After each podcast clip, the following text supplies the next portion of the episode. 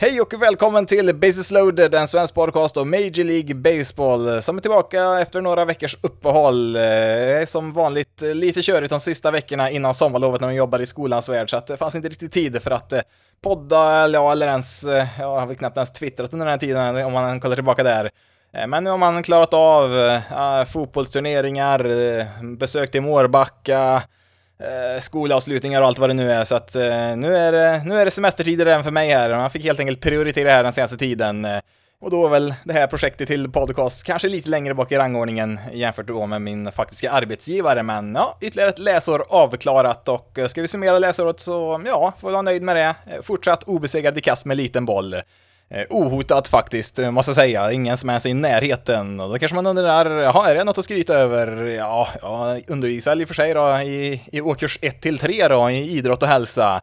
Eh, och då tänker man, ja, är det på gymnasiet så visst, det är väl kanske lite halvimponerande, men nej, det är faktiskt lågstadiebarn från eh, 7 till 9 år, eller ja, en del har faktiskt fyllt 10 år till mitt försvar, ska jag faktiskt säga, men eh, faktum kvarstår att det är fortsatt totalt dominant i den där disciplinen i alla fall. Eh, det är ju lite som att en vinst mot Oakland A's är värt lika mycket som en vinst mot Tampa Bay Rays. Eh, det spelar ingen roll vilken kvalitet man håller i MLB, en vinst är en vinst. Eh, och ja, det är väl ungefär lika stort gap mellan Oakland A's och Tampa Bay Rays som det är mellan mig och barnen på skolan när det gick just kast med liten boll. Visst, nu har ju faktiskt Oakland ryckt upp sig lite grann här. hade ju faktiskt sju raka vinster där, svepte Brewers bland annat. har ju tagit upp sig till nästan 20 vinster nu, 19.55 är han på säsongen. Eh, så att det blev, det blev lite vinster till slut i alla fall. Man var ju faktiskt förbi Royals där en eh, kort sväng. Nu, ja, nu är väl Royals, ja, de har lika många vinster men eh, något färre förluster så att rent procentuellt så är väl Oakland sämst igen då. Ska vi prata lite om Oakland här, ja, mer på sidan av planen. Det händer ju en hel del som sagt där, men det kommer inte bli ett fullt avsnitt detta utan det blir en liten kort uppdatering eftersom det var så länge sedan senast. Jag vill inte vänta en hel vecka till innan vi släpper ut någonting i den här podcast-feeden. Eh, siktar väl på att ha ett eh, fullvärdigt avsnitt då till nästa vecka i alla fall. Men ja, lite kort kan vi väl bara kika på vad som har hänt här nu på sistone och hur läget ligger till. Och ja, när vi ändå pratar om eh, eh hopplösa Oakland A's, som sagt, de, de vann, vann ju lite matcher, men nu har förlorat fem i rad här igen. Eh, men det var väl, de största rubrikerna var väl, eh, ja, väl Rob Manfred hade ju någon presskonferens här för ett litet tag sedan han pratade om, ehm, ja, de hade väl en, så här, en eh, omvänd bojkott hade man eh, i Oakland, alltså fansen. Istället för att eh, bojkotta arenan som de i princip har gjort hela säsongen eh, med sin frånvaro, så dök det faktiskt upp 27 000 på en match där. Eh, inte dåligt med tanke på att det har varit eh, Ja, det har väl varit ja, under 10 000 i princip på varenda match där. Ibland har det bara varit några enstaka tusentals människor där på plats. Eh, men ja, nu man, hade man väl en, eh, ja tekniskt sett var det bara en halvfull arena, den är ju ganska stor den där Oakland Colosseum eller vad man nu kallar den nu för tiden. Eh, jag tror de väl tar in över 50 000 där faktiskt om de skulle öppna upp alla, alla sektioner där. Men ja, man, som sagt, de hade ju en omvänd bojkott då för att det visar sitt stöd har faktiskt visat, att ja, men det finns ju fans här som faktiskt vill heja på det här laget om de bara kunde slänga ut ett åtminstone godtagbart lag på planen, vilket de inte har gjort i år. Eh, så att jag förstår ju fullt ut varför inte de har haft någon publik på läktaren framförallt i år. Sen har det väl varit eh, lite sämre en längre period än så också, men man får väl kanske spendera lite om man vill ha lite folk på läktaren helt enkelt. Eh, men hur som helst då, 27 000 på plats då vid den här matchen och nu brukar väl amerikansk läktarkultur kanske få lite kritik för att ja, kanske inte kan jämföra sig på samma sätt som hur det ser ut här i Europa i de större sporterna och ja, det får man väl tycka vad man vill om, men Eh, dessa 27 000 på plats i Oakland, eh, de, eh, ja, de, de hördes kan man säga. De hade ju koordinerat ganska bra där, att det var någon inning de kom överens om att eh, första at-bat i den här inningen, då skulle alla vara helt knäpptysta och ja, mycket riktigt så, ja, det var väl någon enstaka röst man hörde här och där, men det var väldigt tyst där. Och när, när man kom till at-bat nummer två i samma inning, då brakade helvetet loss där, för då skanderade hela arenan där “Sell the team” eh, riktat mot John Fisher då, som äger laget som är, ja, i princip, eh, ja, han är väl inte helt klart att han ska flytta laget, men i stort sett är det väl eh, färdigt att de flyttar till Las Vegas nu. Så att för en kväll i alla fall då så fick eh, Oakland-fansen eh, väsna som om det vore helt fullsatt där inne på arenan. Eh, lär väl inte hända något mer i år och det var väl kanske också eh, för många där sista, sista gången de gick och kollade på Oakland. Oakland A spelar just Oakland innan de flyttar då när det nu blir. Eh, Eh, som sagt, det är inte helt 100% klart, men nu har det tagits beslut om att de ska få några subventioner från eh, eh, jag vet inte om det är från Las Vegas eller om det är från delstaten pengarna kommer ifrån, men de ska ju få en 3-4 miljarder för att eh, eh, bygga upp den här nya arenan som då kommer behöva där i Las Vegas. Det kommer såklart kosta en del pengar att få upp den på plats. Eh, behöver ju även ha tak på arenan, det går inte att spela liksom i, i, i Las Vegas på sommaren utan tak, det, nej, det, det kommer inte gå. Så att eh, visst, det kommer krävas en och annan dollar för att få upp det där bygget till slut. Eh, men samtidigt kan man ju fråga sig när det är just en industri som Major League Baseball som får de här subventionerna med skattepengar. Alltså MLB drar väl in över 100 miljarder svenska kronor varje år i intäkter. Sen visst, de har väl en del kostnader såklart också. Det, det har de ju. Det är inte över 100 miljarder i vinst, det är det absolut inte, men det är liksom en jätteindustri det här egentligen som den här ligan är. Och då kan man ju verkligen fråga sig, ska de ha skattepengar för att bygga de här jättearenorna? Alltså, jag förstår ju på ett helt annat sätt om eh, den lokala badmintonklubben kanske behöver lite hjälp från skattepengar att eh, skaffa fram någon lokal som man kan bedriva en verksamhet i, men eh, vi pratar om ett av de eh, 30 lagen i Major League Baseball, eh, som dessutom ägs av mångmiljardärer hela högen. Jag tror nog de skulle kunna plocka ut ett eh, lån själva för att få upp de här arenorna om de verkligen var tvingade till det. Men eh, visst, får man gratis pengar från staten, eller ja, nu är väl inte tekniskt sett staten i det här fallet då, men gratis skattepengar, ja, det tackar man väl och tar emot om man verkligen kan få dem. Eh, för det är det man har bråkat med Oakland om, att de har inte fått tillräckligt med, ja, med stöd från staden Oakland i, i deras mening då, från ägarsidan, för att de ska kunna bygga en ny arena då någonstans i staden Oakland. Eh, ja, det har varit många turer fram och tillbaka där, men eh, jag, jag kan väl nog eh, tycka att när det rör sig om helt privatägda sportlag som drar in miljarder varje år, ja, då kan man nog ta och finansiera sin egen verksamhet själv, kan, kan ju jag tycka då. Det finns väl kanske de som tycker annorlunda, men ja, det är väl tyvärr så här verkligheten ser ut. Framförallt när det gäller de lite mindre lagen, alltså Mets eller Dodgers kommer aldrig byta stad. Det, det finns ju inte på kartan liksom. Men spelar man däremot i de lite mindre eh, städerna så kan man ju spela ut städer mot varandra för att se eh, vilket eh, område som är villiga att ge bäst subventioner eller bidrag eller vad det nu kan vara för någonting. Så att, ja, det är tyvärr så här verkligheten ser ut. Man, man behöver inte tycka om det i alla fall. Eh, sen Manfred då, vad var det han gjorde nu då, som vi började den här diskussionen med? Ja, eh, han kommenterade då den här omvända bojkotten och eh, sa väl, eh, ja, väldigt, eh, väldigt, jag vet inte om tonen var sarkastisk, men, eh, men meningen bakom orden var ju definitivt det. Eh, sa väl någonting i stil med att, eh, ja, det var väl kul att eh, se en nästan genomsnittlig eh, publiksiffra i Oakland för en gångs skull i år. Alltså, det är så tondövt att sitta där och verkligen håna eh, Ace-fansen. Eh, alltså, han vet ju precis varför publiksiffran är så dålig som den är. Han kan inte säga det rakt ut för att eh, John Fisher då, som äger Ace tillsammans med de andra 29 ägarna, är ju hans chefer. Det är ju de som utser vem som är kommissionären i Major League Baseball. Alltså, hans jobb är ju att ta all skit som eh, riktas mot eh, MLBs ledning. Alltså, han har väl en viss viss förmåga att bestämma vissa, eh, vissa punkter, men i slutändan så kan ju inte han göra någonting utan ägarnas godkännande och skulle han göra det, ja då är det ju tack och hej till, till det där jobbet som är ganska välbetalt så att eh, han är ju liksom bara frontfiguren som ska ta all skit, eh, eh framförallt då när John Fisher som, eh, som sagt då ägaren utav Ace, han eh, finns ju inte tillgänglig för intervjuer, knappt någonting kring, kring det här, utan han gömmer sig bakom, ja, vaga uttalanden liksom pressmeddelanden och ja, Manfred i det här fallet då, som som, som sagt då får ta mycket av skiten som egentligen han ska ha. Eh, och eh, Manfred sa väl också det att eh, det är inte bara eh, upp till John Fisher att eh, lösa det, utan eh, det är upp till staden också att stödja Oakland Ace i det här fallet då, att få till en arena, men återigen, i en sån här stor industri kan man inte bygga en egen arena, då är det frågan om man har ett existensberättigande egentligen, och ja, Ja, det kanske man har egentligen då med en annan ägare och ja, då får man väl kanske lyssna på Oakland-publiken där och ja, sälj laget då till någon som är villig att satsa på det här i staden. Det tror jag säkert man skulle kunna hitta någon som eh, skulle kunna tänka sig att hålla kvar laget i, i Oakland. Men eh, gräset är väl grönare där borta i Vegas höll jag på att säga. Det är det väl kanske inte för det är väl mest sand där, men eh, det är väl en finare nyans av grön på pengarna om inte annat då. Eh, där borta, om man får en ny fin arena där subventionerad av Las Vegas. Så att ja, det, jag har nämnt det flera gånger förut.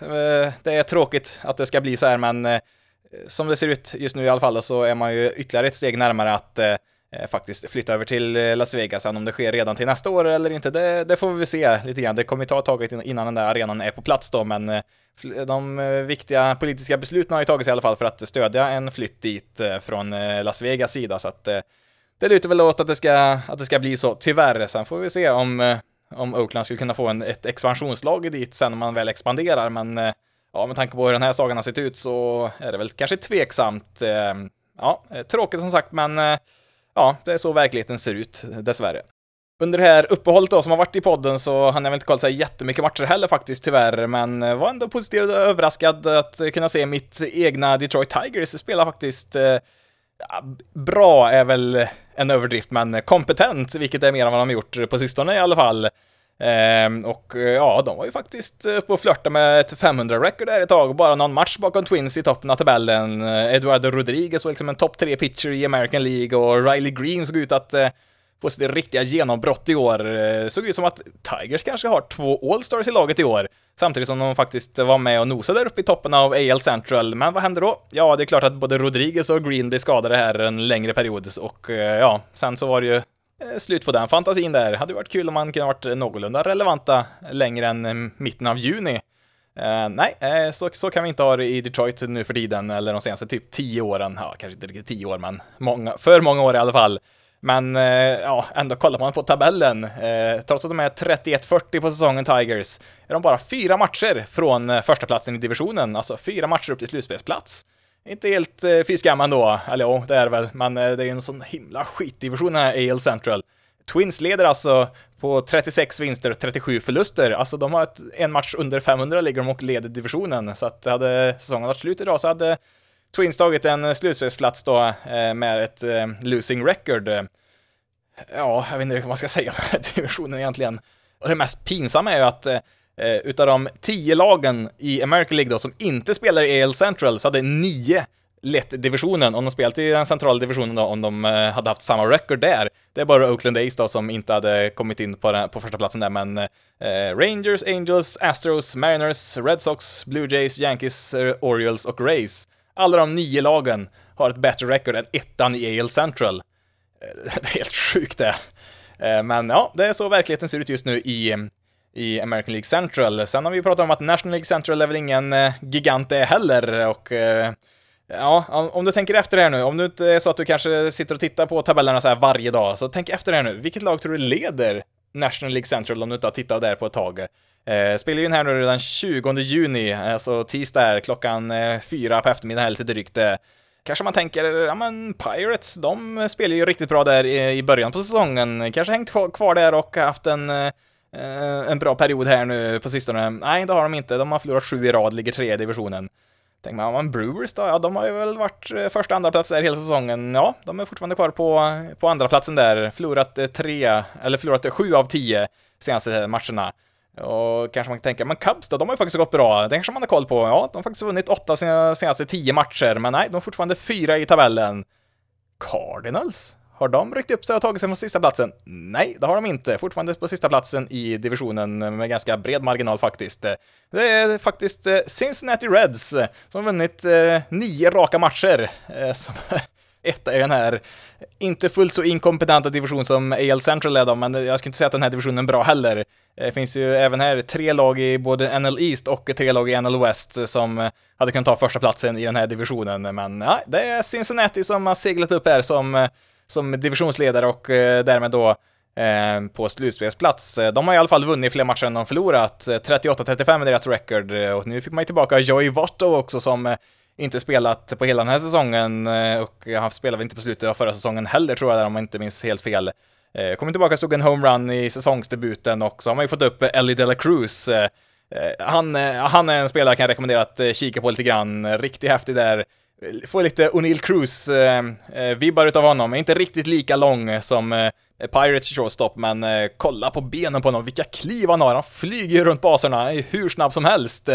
Eh, och det har ju varit många bollar som för vilken annan spelare som helst varit en groundout, men eh, hans hastighet så det spelar ingen roll, han är först till första bas oavsett. Eh, och det som är extra intressant är att han eh, med den snabbheten så är han nu extremt stark också i, i sin sving, alltså när han väl får, får träff på bollen, då, då pratar vi alltså om Aaron Judge och Giancarlo Stanton-styrka eh, i svingen, alltså det är brutalt vad han kan klappa till bollen. Eh, har väl kanske inte riktigt syns eh, så mycket på MLB-nivå än. Han har inte spelat så jättemånga matcher.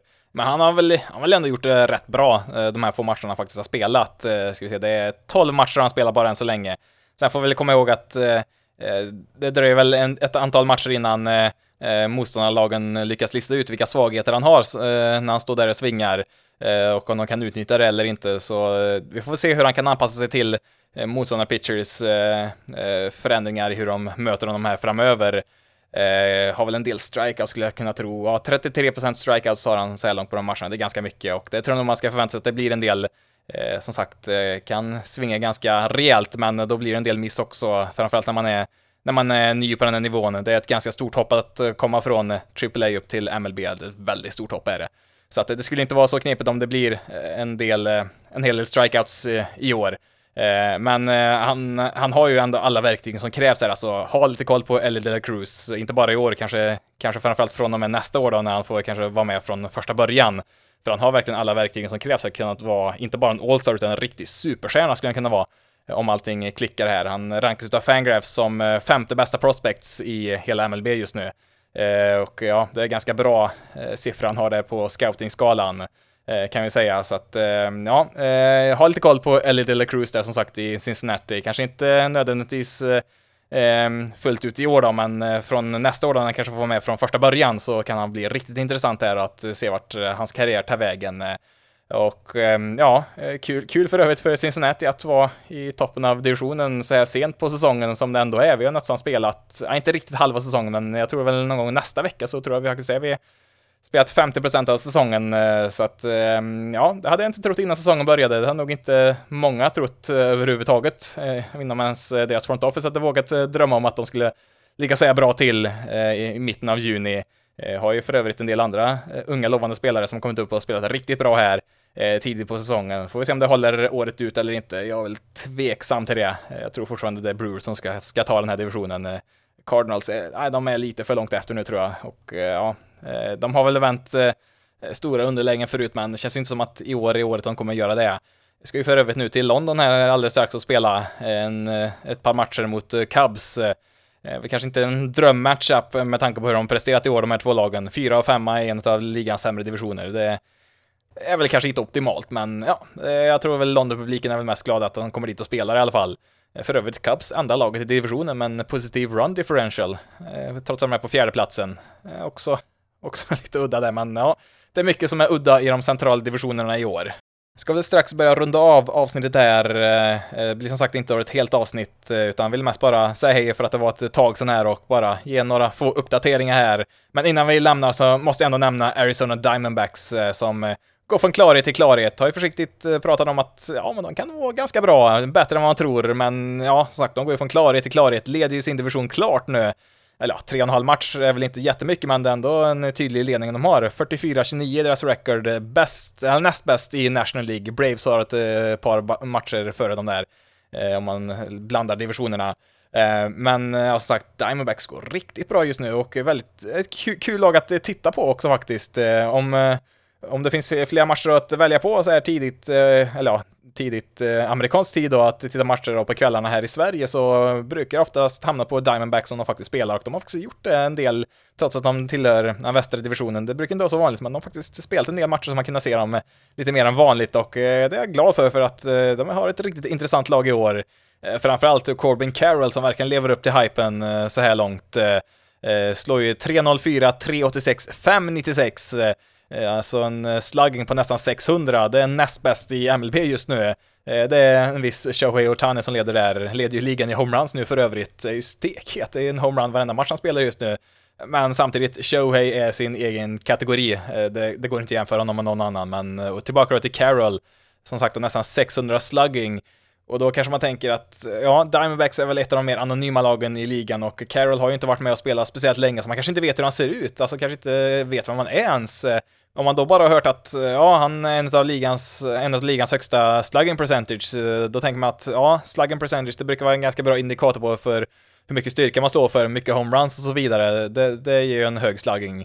Så att om man då tänker sig en, eh, en hårt slående outfielder, då kanske man först tänker sig en spelare som typ Aaron Judge eller Giancarlo Stanton, är väl kanske den första bilden man får upp. Eh, Ortani då som sagt, som leder i slugging, är inte någon liten människa det heller, men sen har vi då Corbin Carroll som stoltserar med sina eh, 178 centimeter och 74 kilo.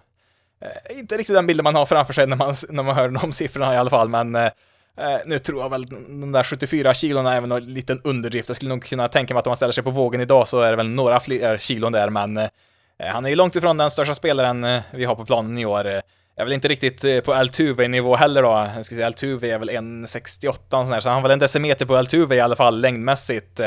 Ska vi se här, ja, Altuve är så listad på 75 kilo också, så att de vikten är de väl eh, ungefär samma då om man ska tro Baseball Reference. Eh, längden brukar väl vara ganska eh, stämmer ganska bra överens. Vikten, den kan man väl sätta lite frågetecken på när man kollar på Baseball Reference, men det ger väl en fingervisning i alla fall, så att det är som sagt inte någon enorm jätte vi pratar om här rent fysiskt, men det är väl kul att se också att baseballspelare kan komma i både små och stora paket.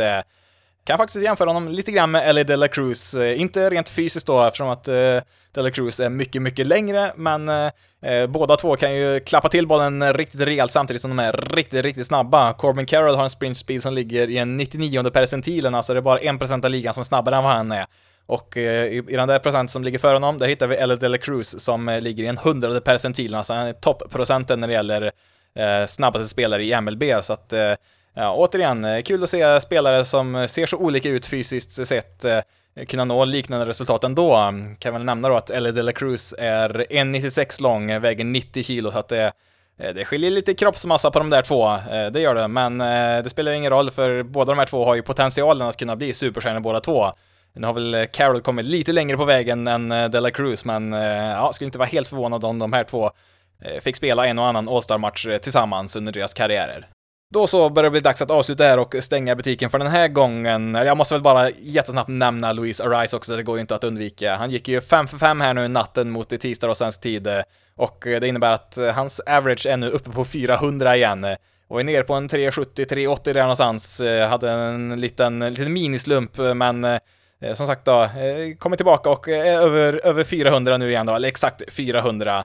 Eh, har ju som sagt då spelat snart halva säsongen, får vi se hur länge han kan, kan, kan hålla sig kvar där uppe. Jag tror inte han kommer vara kvar där eh, när säsongen väl är över. Det har väl inte hänt sen, jag, jag tror det är Ted Williams på 40-talet. Eh, vi pratar om senaste spelaren som hade ett average över 400, men det är kul att han hänger i så pass länge som han faktiskt har gjort här nu, Arise. Får vi se då om han kan stanna nära i alla fall 400 ett tag till, men det, det är riktigt tufft. Man måste i snitt ha gått 2 för 5 i en match för att hålla sig på ett average på 400. Det, ja, det är så extremt svårt, så att det, det är riktigt imponerande att han lyckas eh, göra det så här långt i alla fall på säsongen. Men som sagt, jag måste börja avsluta här nu. Jag har inte tid längre tyvärr för den här gången. Men eh, framöver ska det väl kunna bli eh, hela avsnitt som eh, kanske är dubbla längden av det här avsnittet någonstans där. Eh, jag har som sagt då semester nu så att det borde kunna bli lite mer eh, lite mer innehåll dels i podden och lite annat också. Kanske eventuellt kommer starta upp någon eh, textbaserad eh, blogg eller något liknande för att få ut lite grejer som kanske inte får plats i, i podden här under sommaren. Vi får se helt enkelt. Eh, eh kommer inte hinna med någon veckans matchdag eh, den här veckan. Det blir nog nästa vecka i så fall. Får kolla om det finns någon match som passar där. Sen är ju såklart Discorden alltid öppen där om man vill gå in där och snacka och göra upp med någon annan, prata ma kring matcherna där, så kan man göra det såklart också, men inget organiserat den här veckan i alla fall. Det blir nog i så fall till nästa vecka. Men som sagt, eh, ska avsluta här då. Eh, påminner som vanligt att man kan hitta Basis Loaded eh, på Twitter, Facebook och Instagram. Letar man upp Basis Loaded SC eller kolla länkarna i beskrivningen på avsnittet. Kan även hitta länken till Discorden där som, som man kan gå med i om man vill chatta via text eller via röstchatt där. Men ja, med det så återstår bara att säga att mitt namn är Jonathan Fabri. Tack så jättemycket för att du har valt att lyssna på detta avsnitt av Basis Loaded. Ni får ha det så bra där ute, så hörs vi i nästa avsnitt.